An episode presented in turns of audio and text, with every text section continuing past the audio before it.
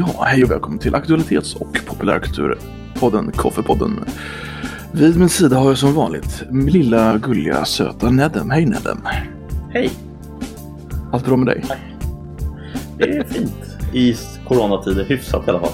Dessa jag coronatider. Lite tråkigt att vara hemma hela dagarna men jag är rätt van. Så att, ja, Ja, klarar mig. Dessutom så har vi med oss en väldigt intelligent människa, nämligen Balnis som är en biomedicinare. Hej Balnis! Hej hej! Vad är en biomedicinare för det första? För de som lyssnar där ute. Ja, enkelt sagt kan man säga att man har läst medicin men till skillnad från läkare så läser man ju inte eh, det kliniska, alltså att behandla patienter, utan man håller sig till eh, kroppsliga fysiologin och patofysiologin och så. Det är den råa kunskapen liksom. Ja, precis. Medicinens essens. Det är lite Ah. ballare. Det är därför du är vår Lite ballare. Lite, Men du är med oss ikväll för att vi ska prata om eh, den här lilla hemska epidemin som har kommit ut, eh, Corona. jag, har, jag har en snabb fråga där innan du bara... Skulle vi kunna skilja på vad är skillnaden mellan egentligen en epidemi och en pandemi? Ja, alltså nu har de ju bråkat till det här i, på sistone om vad en pandemi är för någonting. Men egentligen i liksom ordens grundform så är en epidemi ett utbrott som har en, begräns, en avgränsning. Det är en begränsad mängd människor på en viss plats. Och en pandemi så är det över hela världen. Så att när den här sjukdomen bara var i Wuhan, då var det en epidemi. När den spelade sig därifrån blev det en pandemi. Ja, precis till slut när den spred sig därifrån och hamnade i tillräckligt många länder och, och många människor. Så, så egentligen har det ingenting att göra med vad det är för typ av symptom man får av sjukdomen utan det är egentligen bara spridningsgraden av sjukdomen som avgör. Ja, men precis. Egentligen ska det ju vara så. Sen har de ju på sistone haft eh, svårt att bestämma sig om man säger så. Olika länder har sagt att det var en pandemi och så sen till slut sa ju också WHO att det var en pandemi. Och då sa ju de också att det skulle vara en viss allvarlighetsgrad egentligen. Men det var ju någonting de egentligen inte hade sagt tidigare. Okej. Mm. Ja, WHO då, eller hur? Mm. Precis.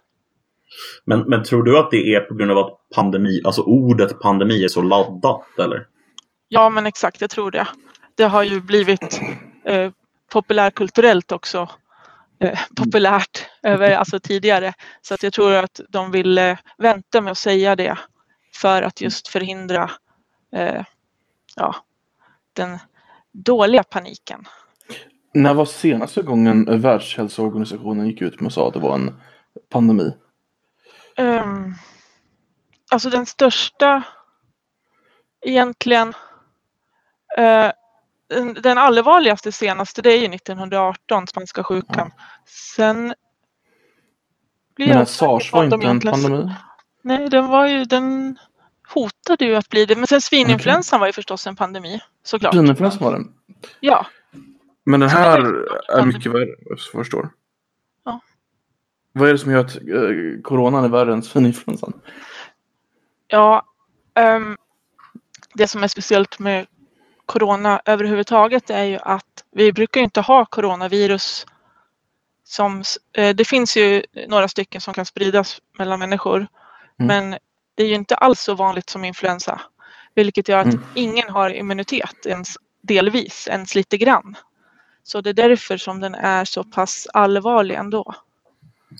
Okej, så, att- så att även svininfluensan då, det var en influensa och alla de här Mm. som har skett tidigare har varit influensor. Är det, är det, heter de alltid då SARS eller, eller hur, hur funkar det? Det här är ju covid eller vad är det de säger? Ja, alltså coronavirusen det är ju liksom en familj av virus. Det finns en mängd olika och alla finns inte hos människor utan bara några få stycken. Och eh, det som man bestämde sig för nu när det är, ny, det är helt nytt så bestämde man sig för att kalla den viruset för SARS-NCoV-2. Därför att SARS förra var då tänkt att vara ettan. Mm. Så SARS, nytt coronavirus 2. Och SARS i sig står för Severe eh, Acute Respiratory eh, Syndrome. Okej. Så att det betyder bara att, att det påverkar andningen väldigt allvarligt. Vad innebär corona då? I, i, i rent namntekniskt? Ja, corona i sig heter det för att viruset ser ut lite som en krona. En kungakrona. Är det verkligen så enkelt? Ja, det är så enkelt. Den är, har liksom en sån här bullig kronform som någon slags sagokrona. Ja, kul. Okej. Mm. Makes sense. Alltså när man tänker på det. Alltså att det hänger ihop på det sättet. Ehm, men, men, men så, så det som skiljer covid-19 från säsongsinfluensa det är att det saknas någon slags allmän eller begränsad immunitet inom befolkningen framför allt. Är det det som gör att den är så liksom, att den sprider sig så fort? Ja, alltså ehm, det är det som gör den så pass allvarlig. eh, att så pass många blir så pass sjuka. Och Mm. att alla blir, alla blir ju sjuka eh, i någon grad då som får den. Mm. Medans influensa, då kan man ju ha en delvis immuniteter som influensor, även om det kommer nya hela tiden varje säsong så att säga, så är de ju lite lik en gamla eh, också. Så det är liksom Mm. en uppdaterad influensa. Eh, Okej. en ny, lite ny version. Eh, Men det som gör hur den sprids egentligen, det är ju också en, alltså vi tycker att det sprids jättefort, men den kunde haft mycket högre smittsamhet om vi jämför med till exempel mässlingen. Då hade den spridits ännu mycket snabbare. Hur mäter man eh, hur snabbt ett virus sprids? Eh, alltså, man kan mäta på många sätt, nya fall och så, men alltså ett populärt mått är det här R0, reproduktionstalet. Och då finns det lite olika siffror, men de verkar ju ligga någonstans mellan 2 och 3 för den här covid, coronaviruset. Och mässlingen har ju ett sånt tal på 18, vilket innebär alltså Oj! att ja, varje smittad person smittar 18 nya personer. Till skillnad då från corona som där man smittar 2-3 personer då Mm, okej. i medeltal. Men då har, har viruset ett litet eh, check? Nu har jag smittat två personer, nu får jag ge mig av, eller hur? Nej, det är ju statistik bara. statistik, alltså hur man måste, hur mycket man hostar, hur mycket virus man Mm. har i hostan till exempel, och så, nysningar och så. Och, och så hur stor infektionsdos måste man få för att bli sjuk? Det vill säga hur mycket måste jag få i mig innan det liksom är tillräckligt för att bli en Mm. eh, sjukdom? Men du sa att ingen i världen var, innan det här började spridas, var immun. Ja. Men vissa har väl ingen eh, effekt när de får viruset? Att de blir, de blir tekniskt sett sjuka men de har ingen påvisade symptom. Ja, Eller har jag alltså, missförstått det här? Några skulle i och för sig kunna ha lite immunitet om de hade, har haft sars eller mers tidigare. De här varianterna som har funnits begränsad eh, utsträckning. Då. Mm. Men sen, alltså det här med asymptomatisk, det är omtvistat nu för att det verkar som att man kan få väldigt milda symptom åtminstone. Mm. Men Mm. många av dem som rapporteras som asymptomatiska, de var ju asymptomatiska när man tog provet. Sen kan de utveckla symptom senare. Kan bara nämna snabbt att asymptomatiskt är helt enkelt att man inte har Ja. några symptom, eller hur? Ja. Ja, precis. Eh, men, men, men en sak som jag undrat kring det där med, med symptom, det är så här.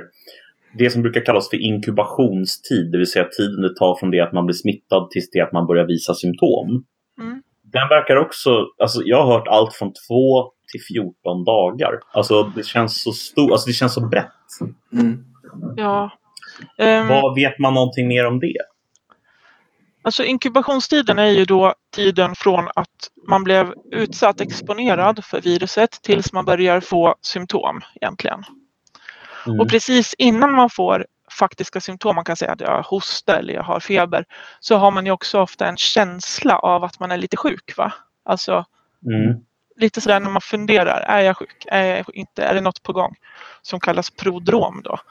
Så att det är lite Mm. olika där när man säger, ah, nu har jag symptom.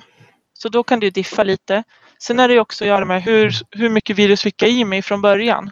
För säg att de, de blir många fler sen när de eh, reproduceras i, i cellerna. Så att beroende på hur mycket jag fick i mig från början så kan det ta olika lång tid innan de blir så många att jag blir sjuk.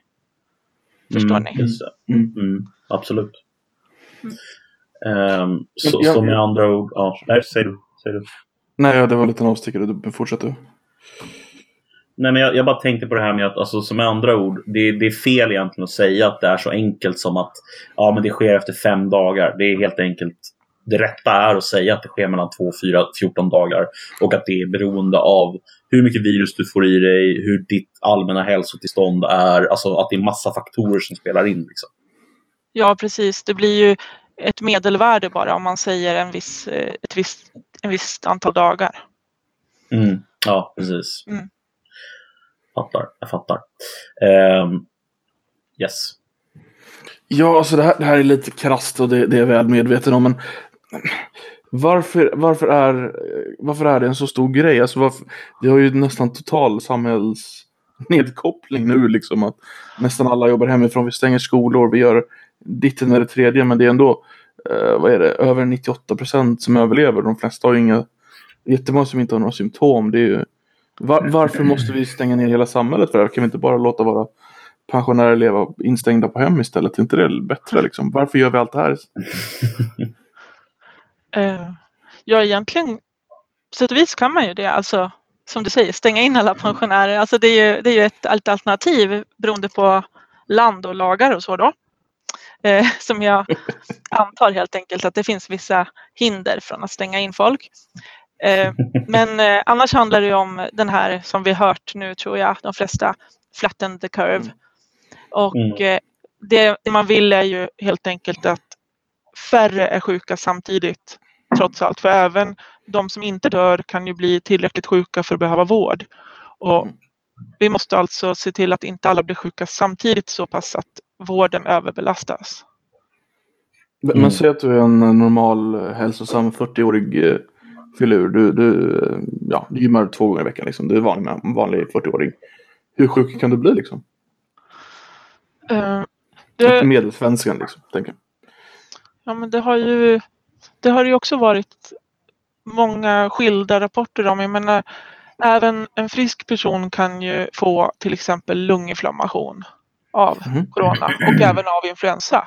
Och till exempel kan man ju säga, ja men man kanske ansträngde sig eller man kanske inte sov så bra och man kanske var stressad. Så det finns ju så himla många eh, liksom riskfaktorer även i vardagen. Så man kan, man kan bli ordentligt sjuk men risken att faktiskt dö av det är förstås kraftigt mindre när man inte är äldre eller har underliggande sjukdomar och det där. Så, men en lunginflammation kan man ju få då till exempel. Och då kan man behöva lite stöd på sjukhus med kanske vätska och syrgas och sådär. Mm. Får jag fråga en sak om det här med underliggande sjukdomar? Eh, mm. Folk pratar mycket om att de underliggande sjukdomarna som sätter dig i liksom riskgrupper, det är då till exempel diabetes, eh, det är eh, till exempel om du har lungrelaterade sjukdomar. Men när, det gäller till exempel diabetes, vet man ungefär varför den gruppen blir mer utsatt? Ja, alltså just idag så sa ju våran statsepidemiolog att diabetes inte verkade vara någon så överrepresenterad grupp egentligen i sig. Så att det mm. kanske snarare är kopplat till de som också har högt blodtryck, vilket många med typ 2 diabetes har. Mm. Och mm. det det kan göra är väl att man eh, av någon orsak är känslig för det här viruset. Det finns teorier om det där, men det finns, vi vet inte än. Nej, fattar. Eh, mm. Jag tänker någonstans att alltså, högt blodtryck kan ju många ha, även om man inte har diabetes. Liksom. Ja. Eh, och då är, det alltså, då är det en riskfaktor att ha högt blodtryck. Är det oavsett hur högt blodtryck man har eller är det eh, har man bara lite över så kanske man är okej? Okay, liksom. Alltså som sagt, egentligen det enda man tydligt sett är äldre. Egentligen. Men sen finns det ju olika siffror och studier där man ser så så många hade det här och det här och det här. Men de flesta av dem var också äldre. Så men vid högt blodtryck så vet man inte riktigt heller eh, hur mycket högt blodtryck eller är det, är det det höga blodtrycket i sig eller någon eh, fysiologisk anpassning i det, alltså någonting som händer i kroppen när man har högt blodtryck eller är det medicinering man tar då? Alltså, man vet inte. Ingen, ingen vet det tror jag. Vad är det som gör att äldre är så uh, lätt åtagna? Är det bara för att man är allmänt svagare när man blir äldre eller? Jag tror man kan anta att det är så att eh, Eh, äldre har ju generellt då nedsatt organfunktion, alltså både eh, immunsystem och njurar och lever och lungor, alltså våra organ fungerar lite sämre och då blir man ju lite känsligare för egentligen allting. Och i och med att de inte heller då som vid influensa kan ha haft den här sjukdomen som yngre så har de ju inte heller något, någon hjälp eh, Nej, av att vara äldre. Som till exempel spanska sjukan. Man tror ju att en orsak till att den då dödade yngre så pass mycket mer än andra influensor var att äldre förmodligen hade någon underliggande immunitet sedan tidigare. Jaha. Så det Ja. fanns någon proto-spanska sjuka? Ja precis, alltså den kom ju inte från ingenstans. Den var ju ändå en, en influensa. Så den hade likheter med tidigare influensor även om den också var annorlunda. Vad finns det för likheter mellan spanska sjukan och coronaviruset idag? Ehm, Kanske vi ska börja med att förklara vad spanska sjukan var. Det var den här eh, stora epidemin som kom efter andra världskriget när alla som följde med alla hemvändande soldater. Om jag förstår rätt. första, precis. Första, ursäkta. 18. Eh, precis, och den spreds ju delvis med hjälp av soldater, precis. Så den spreds ju väldigt mycket. Eh, alltså, det finns ju många stora likheter. Det är en, en ny, ett nytt virus och det är en pandemi. Och Mm. vi vet inte riktigt alltid vad vi ska göra. Men sjukvården har ju kommit väldigt långt sedan dess. Mm. Så det finns ju stora olikheter också. Men stämmer det som jag hört att den pandemin eh, var dödligare än kriget i sig? Det vet jag inte. Men det var ju eh, med tanke på att 500 miljoner dog Mm. beroende på vart man läser siffror så 500 miljoner i spanska Ja. Herre, ja, det, det kan jag säga, det är mer än kriget. Ja precis men jag menar beroende på hur man räknar jag vet inte Ja. hur du räknar Det är helt otroligt. Um, vad många människor. Och då, kan- då, då kan man ju förstå varför folk är rädda idag. Om fe- det var 500 miljoner för förra gången. ja, förlåt eh, 50 miljoner 500 miljoner blev 55. infekterade ja, Aha. men det är fortfarande Ja, jättemånga okej. Det, det, nu är det bara oj det var bara en tiondel men det är fortfarande jätte, jättemånga ja, 50 miljoner är ganska Ja, men det mycket. är jättemycket. Ja. Det är jätte, jättemycket. Mm. Ja. Ehm, alltså... men, men smittvägarna då, alltså för, för covid, liksom det, det är samma som för alla andra typer av virus eller? Alltså att det är liksom hostningar, eh, saliv, luftvägsvirus ja. ja, och Luftvägsvirus. luftvägsvirus, är de värre än andra då? Ehm, nej, alltså det finns ett an- massa olika smittvägar. Va? Så till exempel finns det kontakt, alltså man måste ha kontakt med någon eh, via till exempel eh, hud och beröring och så. Och så har vi de här droppsmittorna då som eh, när man hostar och nyser. Eh, sen finns det också blodsmitta och sådär som till exempel HIV. Så det är en annan Mhm. men eh, för luftvägsvirus så är det i allmänhet så att de sprids ju då alltså genom att man hostar och nyser och sådär. Och då blir det först och främst droppsmitta som, som corona. Sen finns det ju en värre variant som är luftburen då. Och då tål, tål viruset att torka ut också och då kan det flyga eh, genom luften så att säga torrt på parti- som partiklar eller på damm och så och eh, ta sig mycket längre bort och mycket över längre tid och då blir den mer smittsam. Men det här corona smittas alltså bara via eh, luftburna partiklar? Droppar, precis. Inte partiklar. Droppar? Vad, Ja. vad, vad, vad är det? Droppar? Ja, som, Så, eh, eh, näsgegga liksom? ja precis. Saliv och, och snor eh, när man nyser och, och hostar. Det här, Men, men inte, inte svett till exempel? förlåt? Svett? Räknas det med? Eh, nej, det, det är ju precis, nej. Utan Så, så jag kan får- fortsätta svettas i folks maträtter? precis. Men eh, sen kan man ju inte vara säker. Jag menar, oli- vi vet inte tillräckligt mycket. Man har ju till exempel hittat virus i avföring och sådär. Coronavirus. Men Jaha. det är inte säkert att det är en smittväg för det. Alltså för det som då skulle kallas fekal-oral, det vill säga att det kommer via avföring. Mhm. Mm, Är det bara människor som kan smittas? det verkar ju så. Sen har det ju varit rapporter om eh, några, någon hund här och där. Som Mm.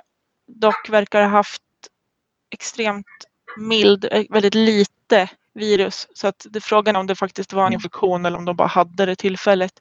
Men i och med att hunden är människans bästa vän så kan de ju ha eh, kan få mycket på sig virus och ha det en period då Mm, mm. kanske. Generellt så blir vi ju inte sjuka av hundar. Alltså hundens snuva får ju inte du och tvärtom. Nej. Normalt sett så funkar det inte så. Ja, det är olika typer av, eh, olika typer av eh, vad heter det, virus helt enkelt. Ja, och eh, ett virus måste passa in på världens, alltså den den ska smitta, den måste passa på den, de proteinerna man har på cellerna. Mm. För det som hänt här är ju att coronaviruset kom då från fladdermöss troligtvis. Kanske via någon, vad var det vi sa, myrkottar kanske. Men eh, Mm. då har den lyckats på något vis mutera eller ha ett, eh, ett, pro, ett protein som passar på både det djuret och oss. Och på samma sätt svininfluensan kom ju via grisar då. Och eh, ofta kommer influensorna från fåglar, sjöfåglar. Men eh, då är det någon likhet då i proteinerna som gör att de ibland, sällan men ändå ibland hoppar från art till art. Men generellt så, måste de, så funkar inte det för att man har olika proteiner på sina celler. Olika arter har olika ytstrukturer. Okej. Fattar. Eh, Men eh, hur, det här viruset kom från uh, fladdermöss va? Ja, man tror det. Mm. Hade de ätit fladdermössen då eller? Ja, eh, hur, exakt hur det går till är ju inte helt klart men på något vis så eh, finns det finns olika vägar från en fladdermus till en människa. Man kan ha ätit dem men man kan ju också ha helt enkelt andats in till exempel eh, fladdermus eh, avföring på något, i något damm Ja. eller där de bor eller så. Det finns ju många olika vägar det är möjligt. Så det måste ju inte vara just via maten. Okej, coolt. Men, men ska vi, alla där ute som lyssnar vill säkert veta, hur, hur, hur undgår man att få det här viruset? Vad ska man göra? Jag har hört tvätta händerna. Men det hoppas jag alla redan gör. Vad, vad kan man göra mer? Eh, tvätta händerna. Och eh, handtvätt är ju väldigt effektivt. Det både mekaniskt tvättar bort smutsen och virusen och också förstör dem. Och man måste tvätta då tillräckligt noga och tillräckligt länge förstås. Sen kan man ha på handsprit som måste vara minst 60 procent och i 60 sekunder. Så tar det också bort sådana här virus. Så det ska bara ligga där då i sex sekunder eller ska man eh, Ja, göra precis, samma man- sak? Precis, man behöver bli blöt nog alltså av handspriten och så ska den få Jaha. torka i luften i en minut. Eh, Jag ska typ dunsta av eller? Ja men precis.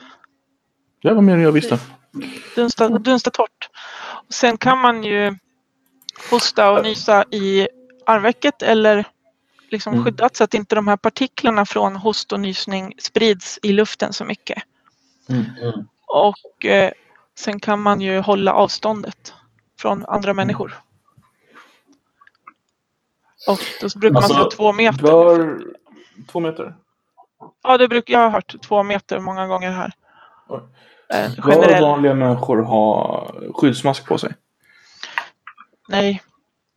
De Eh, bör inte ha skyddsmask. Nej, man bör nog, alltså det, all, det mesta tyder på att man inte bör ha det. Sen eh, är det ju förstås så att den som är sjuk har ju lättare att inte hosta och nysa ut i luften genom att ha en mask på sig. Va?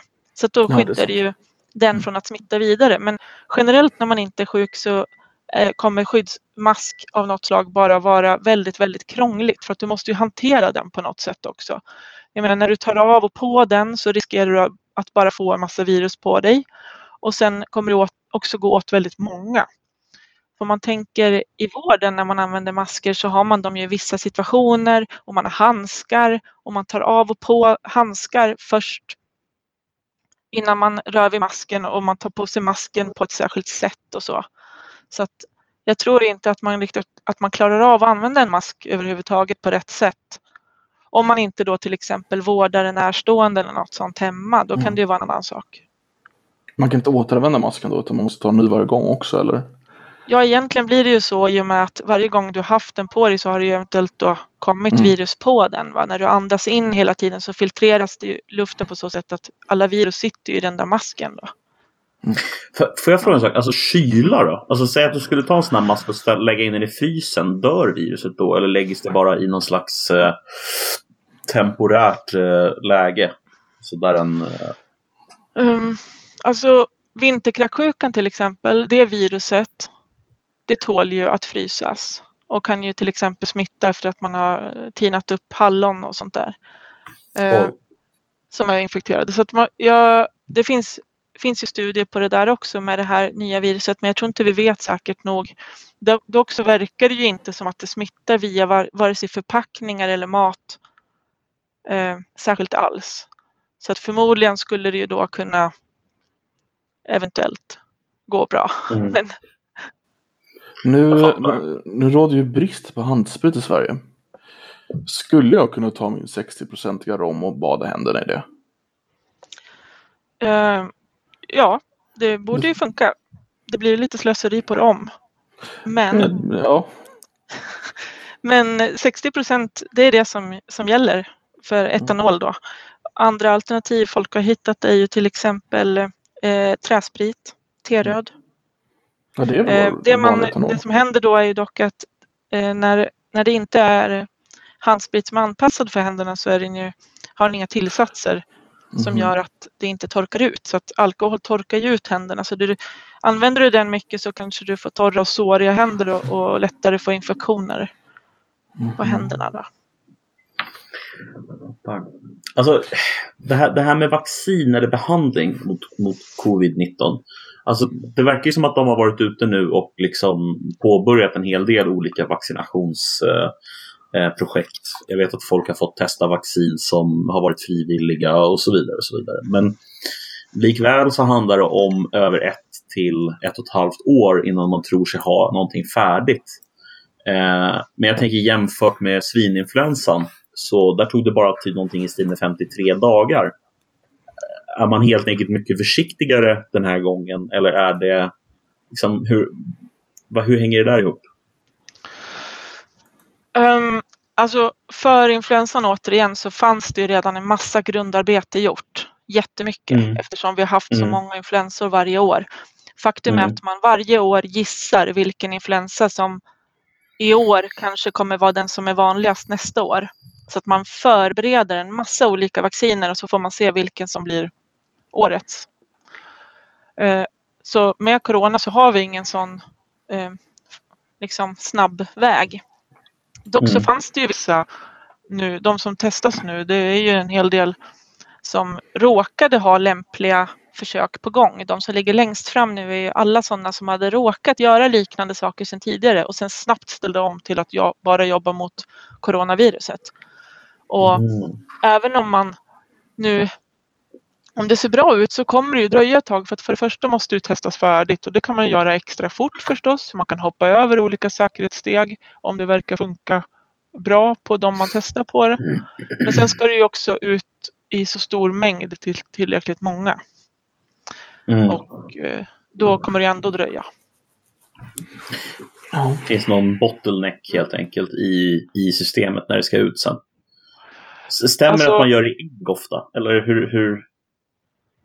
Förlåt? När man tillverkar, när man tillverkar själva virusen, gör man inte det i ägg på något sätt? Eller har jag fel? Jo, ofta gör man virus i ägg. De, det växer, liksom, alltså när man odlar fram så går det väldigt fort och bra i ägg. Och eh, då kan det ju vara ett problem om det är ett sådant vaccin för de som är allergiska mot ägg till exempel. Samtidigt har ju vissa av de här som är på gång nu det var ju något, det israeliska åtminstone vad jag förstått är ju eh, oralt, alltså att man kan dricka det vaccinet.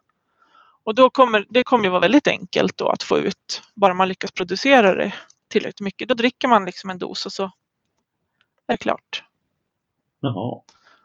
Jag kommer ihåg, jag tog ju den här svininfluensavaccinet fick ju jag då och det, där blev jag ju ganska jag ska inte säga att jag blev eh, jättesjuk, men jag blev eh, ganska dålig blev jag i två dagar. Eh, och det är väl kanske någon, det kanske är standard, jag vet inte. Men uh, man blir väl lite dålig när man tar ett virus in, eller ett, ett vaccin in, initialt, va? Är det inte så?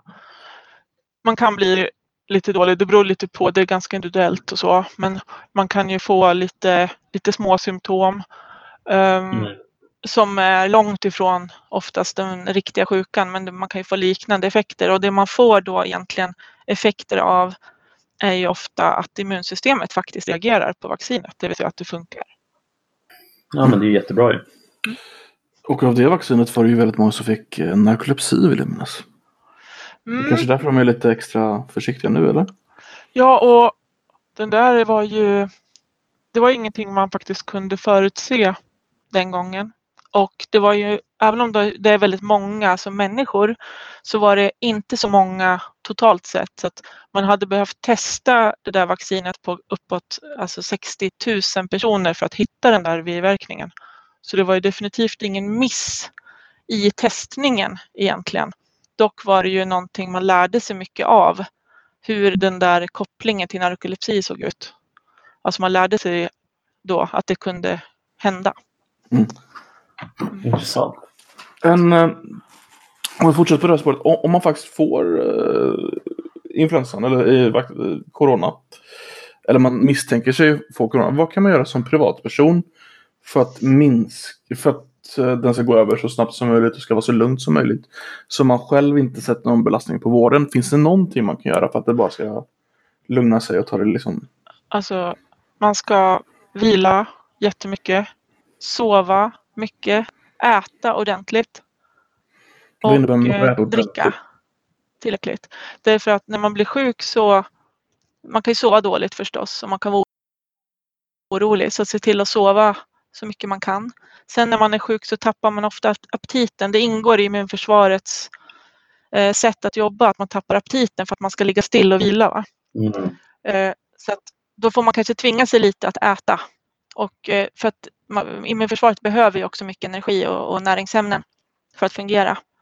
Så sova, vila och inte anstränga sig. Man får ju av covid-19 till exempel ganska eh, tidigt och snabbt ett tryck över bröstet, alltså en andfåddhet. Så att man ska nog inte anstränga sig, man ska ta det lugnt. För det här är liksom att anstränga sig, då riskerar man ju ändå att på något vis dra ner med djupa andetag va? Eh, infektionen längre ner i luftvägarna. Ja, just det. Och det vill man ju såklart inte. Nej, precis. Och eh, vila ordentligt också efter att man börjar känna sig bättre. Att inte på en gång börja eh, med sitt vanliga liv utan att ta det lugnt efteråt så att man inte får en sån här lunginflammation efteråt. Mm. Finns det risk för att återsmittas? Alltså kan man smittas två gånger? Alltså allting tyder på att man får immunitet.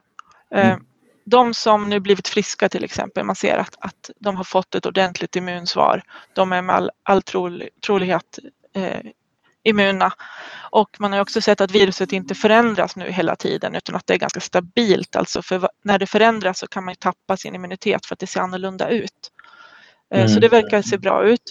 Dock de som har rapporterats om att de har blivit sjuka igen, de kan ju till exempel ha blivit släppta från sjukhus för tidigt. Eh, och att de inte var helt återhämtade och då när de släpps från sjukhuset och går hem och börjar anstränga sig igen och göra saker så kanske de blir sjuka igen.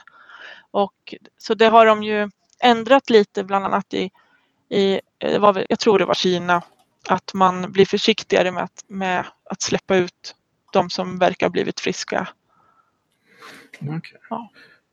Vad, Storbritannien säger ju att deras taktik var flockimmunitet. Vad innebär en flockimmunitet? Mm. Och var det en bra taktik? Jag tror de har gått ifrån den nu däremot. Ja, de ändrade ju och har egentligen gått över till någonting som väldigt mycket liknar, tycker jag, det vi har i Sverige. Det vill säga begränsa spridning. Men sen till slut så kommer vi troligtvis eh, få en flockimmunitet hur vi än gör. Oavsett mm. om att alla, många blir sjuka eller att vi får vaccin. Så flockimmunitet innebär att så pass många är immuna att eh, när någon som är sjuk smittar så är det de runt omkring är immuna så att de kan inte föra smittan vidare till de som ännu inte har blivit sjuka.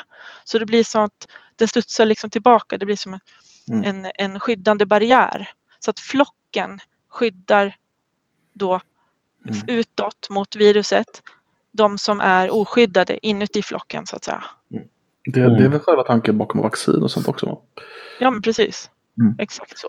så. Så det är väl egentligen bara det vi väntar på. Även om det kommer ta väldigt lång tid och vi kan göra andra grejer också. Men det i, i slutändan hur vi besegrar det här coronaviruset. Det är väl flockimmunitet om jag förstår rätt. Slutligen så blir det ju på något sätt allra troligtvis så.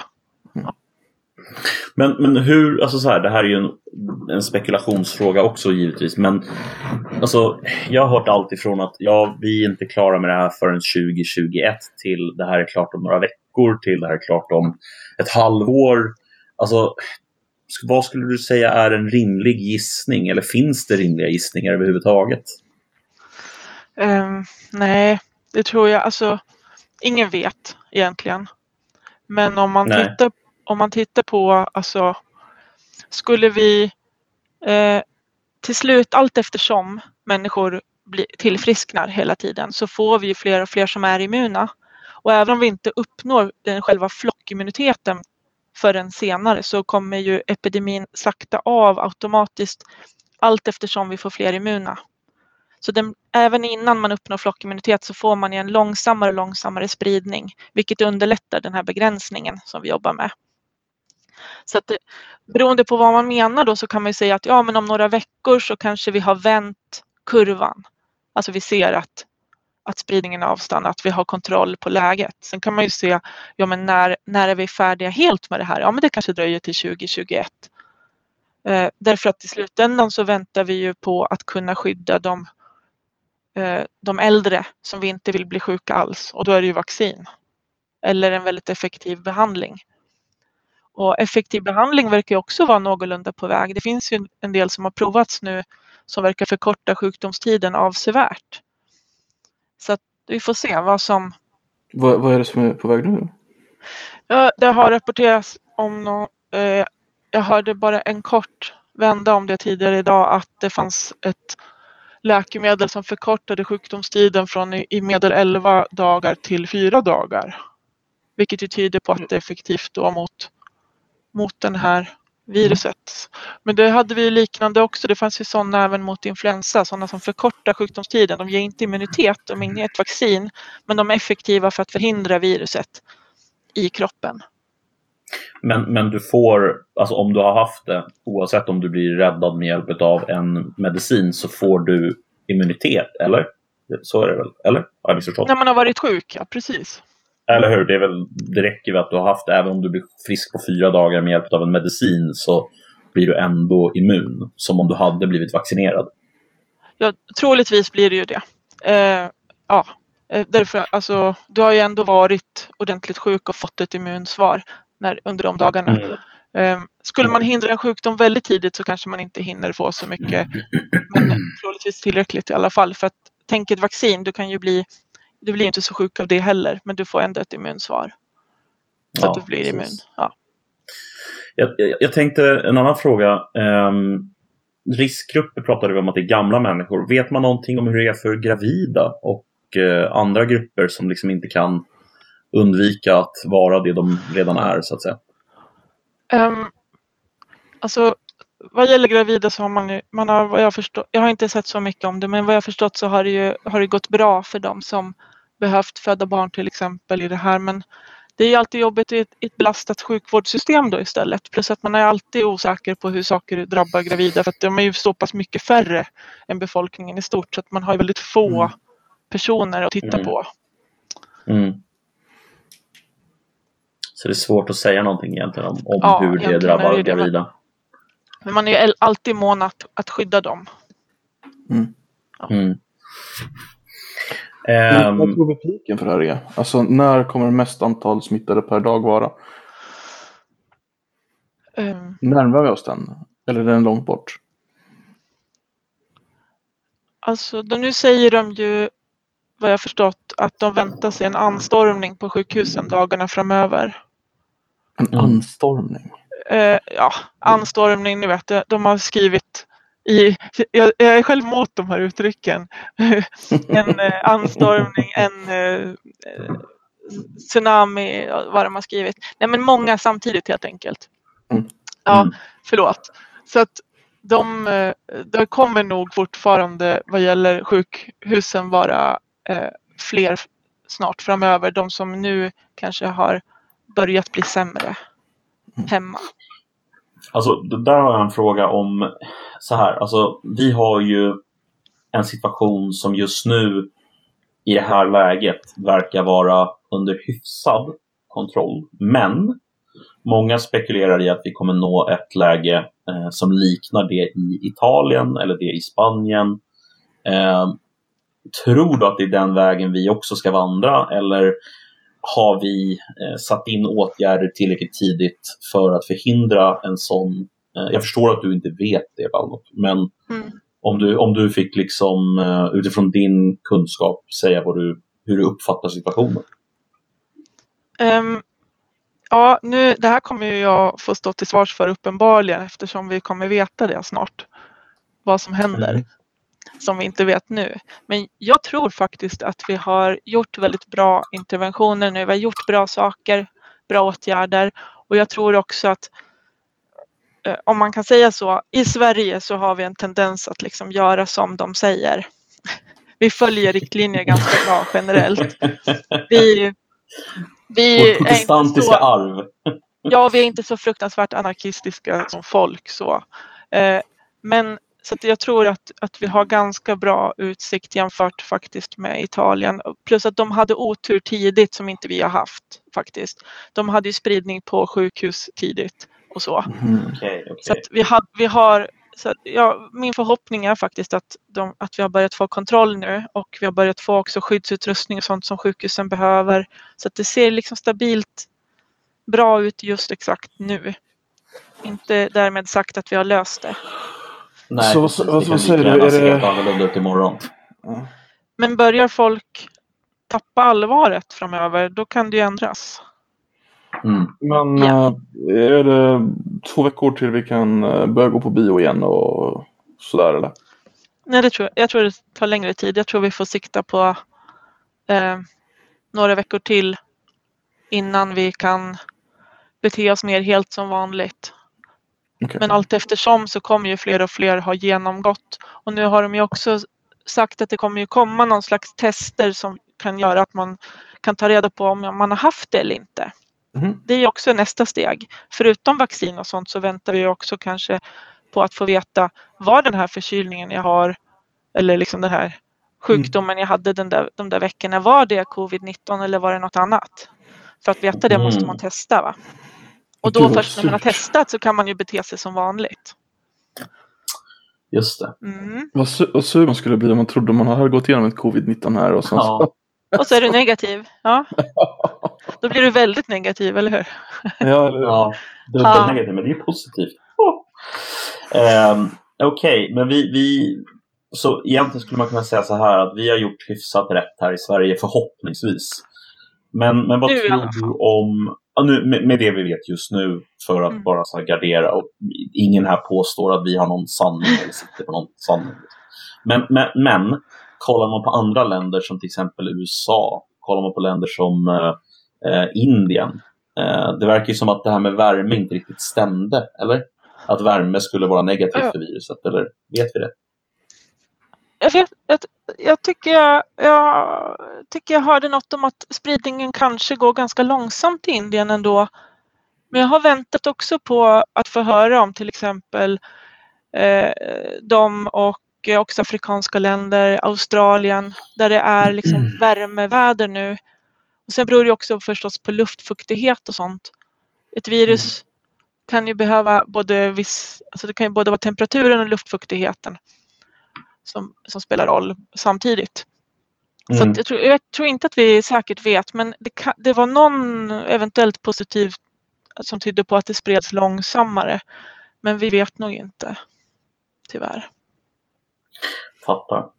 Men har de länderna den infrastrukturen att mäta sånt här då?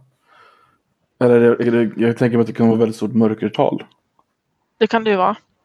Mm. Mm. Australien borde ju dock eh, ja vara jämförbart när vi, när vi vet. Mm. Um, ja, alltså jag vet inte vad jag har för mer frågor egentligen. Alltså jag, jag, jag funderar väl någonstans på de ekonomiska effekterna av, av det här som kanske blir värre eh, och värre. Eh, kanske inte värre än antalet döda sådär givetvis för att många lär, lär väl tyvärr stryka med men just de ekonomiska effekterna verkar, ju, verkar vi börja se effekterna av nu.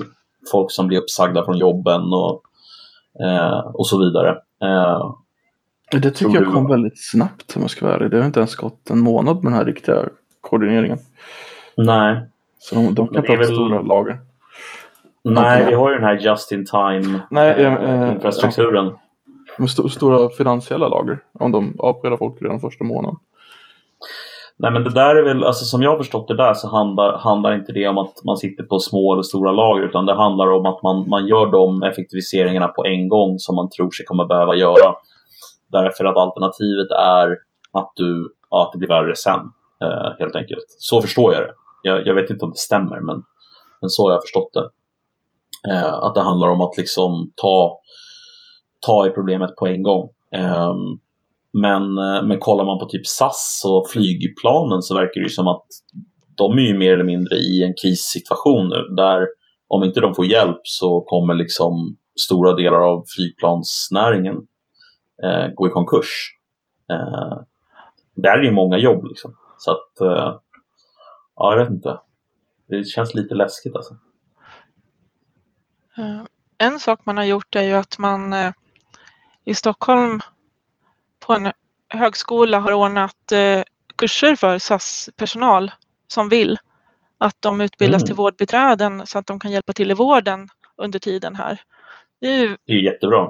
ett underlättande. Sen, jag skulle vilja säga en sak angående ekonomin att även om jag inte förstår nationalekonomi och så vidare så en sak att komma ihåg är ju att allting finns ju kvar efter att eh, coronaviruset och pandemin har dragit över.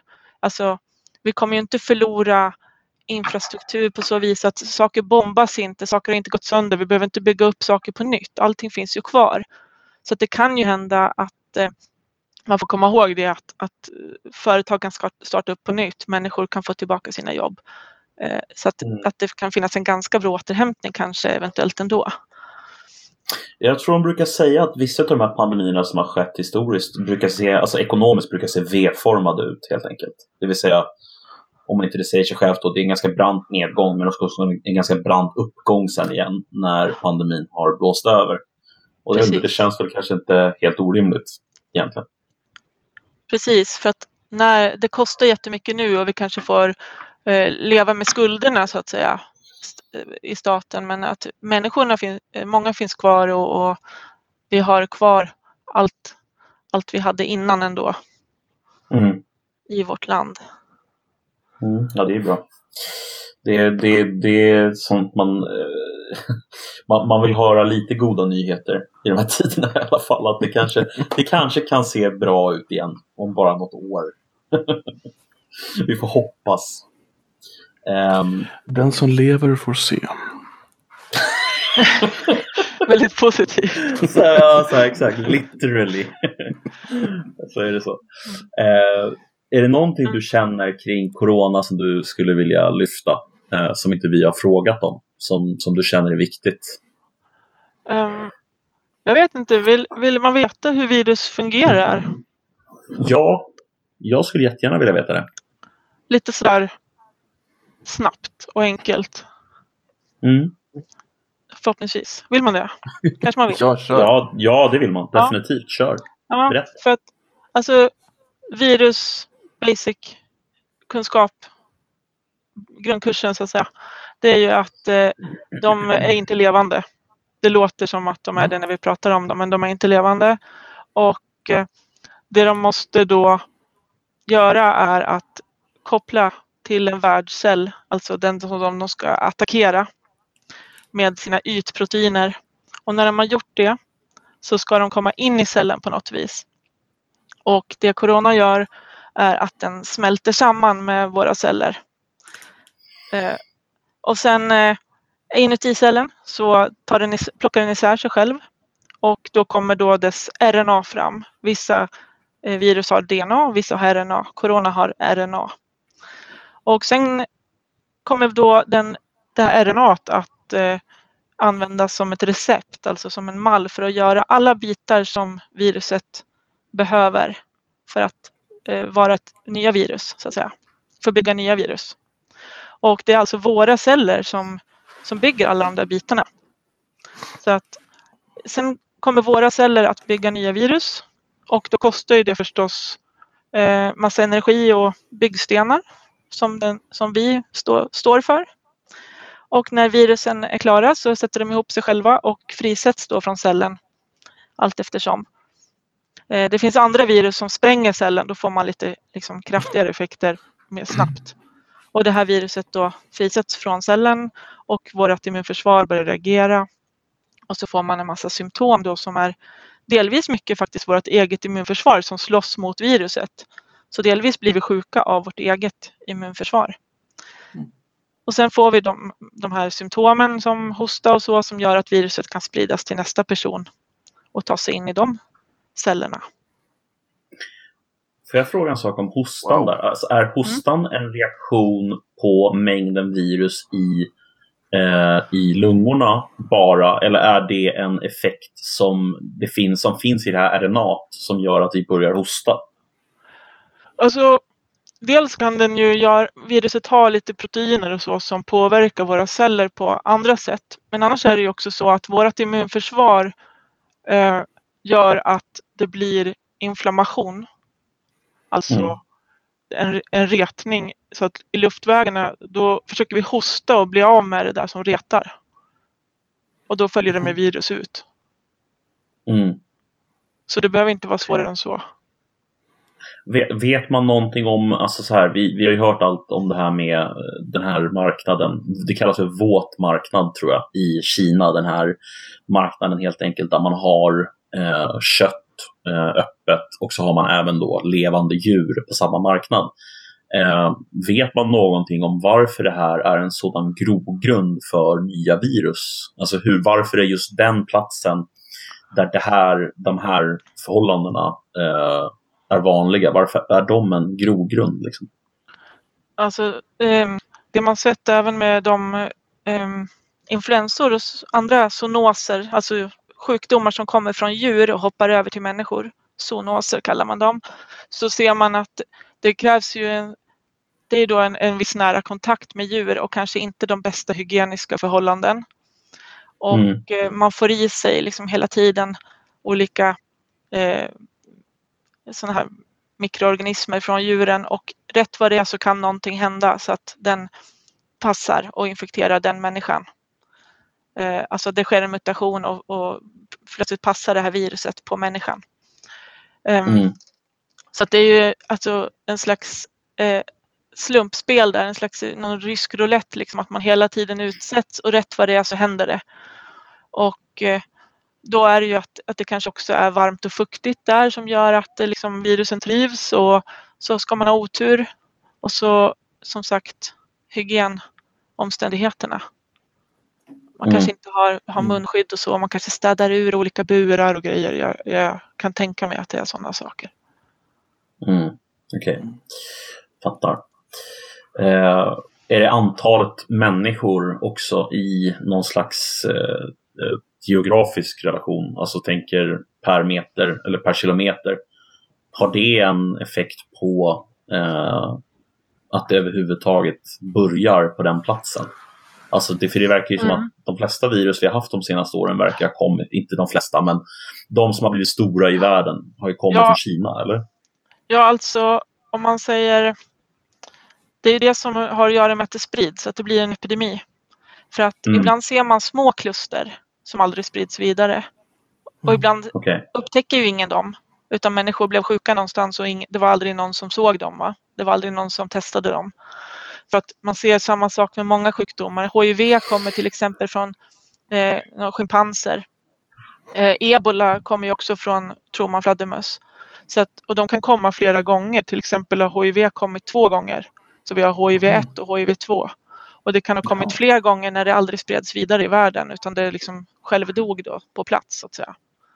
Mm. Eh, utan det är säkert som du säger att det är många, många människor där som rör sig vilket gör att det kan bli en epidemi och att det därmed etableras i människor och stannar kvar. Okay. Det där med HIV-1 och HIV-2, är det, det visste inte jag om alls om jag ska vara Nej. Det, det är inte välkänt väl? Eller det är säkert välkänt inom akademiken men Alltså eh, kan man se va, att HIV-1 är mer i Nordamerika och HIV-2 mer i Europa eller, eller är det bara blandat rakt upp och ner eller? Ja precis, de har olika, eh, olika utbredning och lite olika eh, aggressiva så att säga. Jaha. Ja. Vilken har vi i Europa? eller vilken har vi här? Vilken har vi HIV. lättast? Det är här. HIV-1 som är vanligast, Ah, Okej, mest spridd. även här uppe. Precis, över världen. De allra, Okej, allra Och, flesta. vilken, HIV-2 är mest Vi- eh, på plats i Afrika. Förlåt? och vilken är den mest aggressiva av dessa? Ehm, det är vad jag vet HIV-1. Okej. Den som har spritts mest Eh. är mest eh, sprid, alltså den som har spritts mest är den som är mest smittsam så att säga. Ja, okej. okej. Eh, men jag tänkte en annan fråga som jag undrade över och det knyter an till det vi nyss pratade om det här med eh, den här marknaden. Man brukar säga att det kan finnas reservoarer av virus. Just det. Eh, vad exakt innebär det? Ja, det där är ett ord som kommer från smittkedjan. Ehm, och smittkedjan är någonting man pratar om då framförallt i vårdhygien och liksom i sådana här epidemisammanhang. Och reservoaren är då därifrån som smitta kan komma ut och då bilda en epidemi, att det kan finnas hela tiden i en reservoar, ungefär på samma sätt som vi pratar om reservoarer för vatten till exempel, att man har, man har som ett förråd. Och där finns smittan och då kan det vara till exempel i fladdermöss eller det kan vara i eh, vad gäller andra sjukdomar kan det ju vara till exempel i olika smutsiga vatten eller liksom områden. Så då är det reservoaren alltså där den kommer ifrån, där den kan komma flera gånger då. Eh, Det här, nu, det här kommer att låta som en konstig fråga. Finns det några positiva effekter av att vi utsätts hela tiden för massa olika virus? Vet man det? Um, alltså inte rak, rakt av så ska, finns det väl egentligen inga eh, positiva effekter utan eh, det räcker ju liksom gott och väl med alla virus vi har ändå. Eh, Ja, som någon nya virus. Sen kan man ju förstås historiskt kanske se någon positiv effekt om det skulle komma ett ännu värre coronavirus i framtiden. Då kanske vi är glada att vi hade det här i efterhand då, fast vi inte är det nu. Mm. Det skulle ja kunna, precis. efter liksom after the fact så skulle det kunna vara så. Mm. För att då finns det potentiellt, på samma sätt som influensan, då, en viss immunitet redan i. Precis, Människan, immunitet och förstås all den vetenskap vi nu samlar på oss. Mm. Okej. Ehm, när, när man skapar ett sånt där, för att återkoppla till det här med vaccin, alltså när man skapar ett vaccin för en, för en sjukdom, för ett virus på det här sättet som man gör nu, där det är ganska mycket ny kunskap man behöver samla på sig, så tar det ju väldigt, väldigt lång tid. Eh, så om vi skulle få till exempel ett virus då som liknar det här viruset i framtiden så skulle vi kunna minska antalet liksom månader och år som det tar också, eller? allra, allra troligast så kommer vi ju ha stor nytta av eh, om vi lyckas få fram ett virus, eller ett virus, ett vaccin nu, så kommer vi ha nytta av det. Absolut, det är allra troligast har vi det. Och de, Mm. de vacciner som nu är på gång som sagt, de har ju också de flesta antingen utvecklats med tanke på sars eller något, någon som är mer all purpose eh, vaccin så att säga. Att de, att de har undersökt ett sätt att leverera vaccin som nu kan specialiseras för covid-19 i första hand. Mm. Okej. Fattar. Ehm, andra positiva nyheter jag såg idag var att, och det såg väl du också tror jag, Balnis, att eh, de gick ut med att den här CE-märkningen på våra eh, gamla munskydd eller våra gamla gasmasker, eh, det var okej nu att använda dem även inom vården. Det var ju kul. Eller bra. Just det. Äntligen, för att de fick nystarta produktionen och då blev det CE-märkning. Mm. Mm. Såg du det Koffe? Ja. Och en annan Jättebra. positiv nyhet är ju, vad jag förstått så ska Absolut, Absolut Vodka Mm, göra handsprit. Det är Jaha. ganska intressant. De, de hade tydligen börjat vid, vid förra eh, epidemin här. Göra egen handsprit för personalen. Sen så ska de bara expandera det. Japp. Okej. De pratade om 200 000 liter som var på väg ut. Det är fantastiskt. Ja, Gratis. det, det känns, som att, det känns lite som att eh, samhället verkligen mobiliserar sig för att eh, lösa det här problemet. Och det är ju lite vackert att se. Det är det. Eh, faktiskt. Eh, Sen får vi se vilken, eh, vilken smak den här eh, Absolut Vodka-spriten har. Kanske ja, lite- precis. Kan man shotta den tror ni? Ja, antagligen. Alltså, det, det, det, fan. Kan och kan. Man kan shotta vad kan, kan. Man kan shotta lite vad som helst. Ehm, är det något mer du ville liksom gå igenom eller, eller ska vi eh, Är det någonting du skulle vilja lämna lyssnarna med liksom rent tänk på det här? Mm, alltså jag tror ju att man har fått ut viktiga meddelanden. Så att det är de, jag tycker de, alltså begränsa spridningen är vårt viktigaste uppdrag nu. Det vill säga att man ska hålla sig hemma om man kan, undvika att nära kontakt med människor, särskilt äldre människor, verkligen. Mm. Eh, och håll, alltså hålla sin, sin eh, hygien så att säga med att tvätta händerna och så extra noga ordentligt.